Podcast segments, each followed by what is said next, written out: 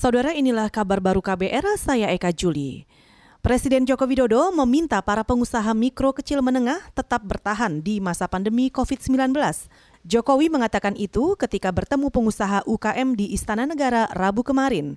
Menurut Jokowi, situasi ekonomi akibat pandemi ini tidak mudah bagi semua lapisan elemen masyarakat.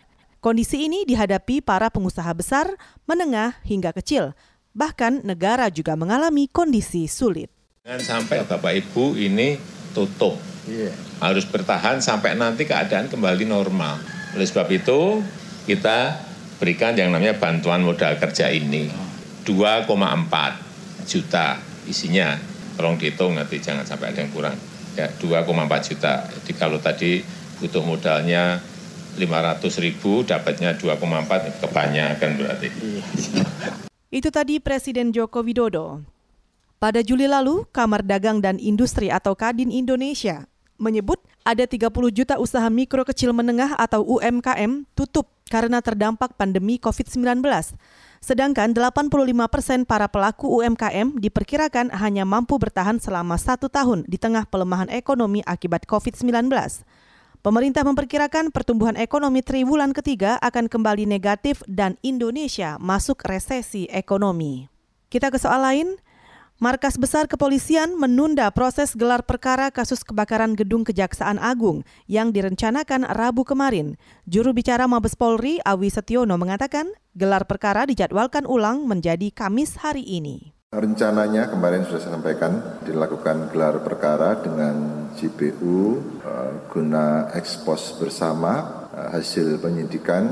Namun karena suatu hal Bapak Kabar Reskrim ada kegiatan mendampingi Bapak Kapolri RDP dengan uh, DPR RI, Komisi 3 DPR RI tentunya dilakukan penundaan.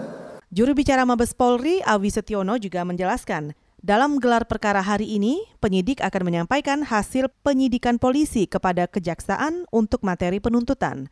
Hingga Rabu kemarin, penyidik Polri masih memeriksa saksi kasus kebakaran gedung Kejaksaan Agung. Kebakaran terjadi pada Sabtu malam 22 Agustus lalu. Sebanyak 65 mobil pemadam dikerahkan untuk meredam kobaran api. Polisi menduga kebakaran terjadi karena faktor kesengajaan atau pidana. Kita ke lantai bursa.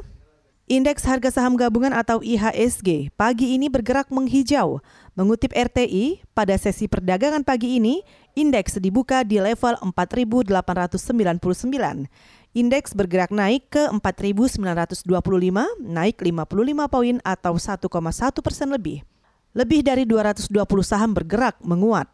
80-an saham melemah dan seratusan saham stagnan.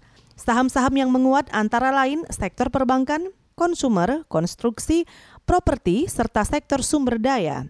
Saham yang menguat cukup tinggi antara lain saham PT Kalbe Parma Terbuka yang menguat 5,1 persen dan perusahaan gas negara menguat 2,7 persen. Sementara itu mata uang rupiah siang ini melemah tipis 0,28 persen, diperdagangkan di posisi 14.897 rupiah per dolar Amerika Serikat. Saudara demikian kabar baru, saya Eka Juli.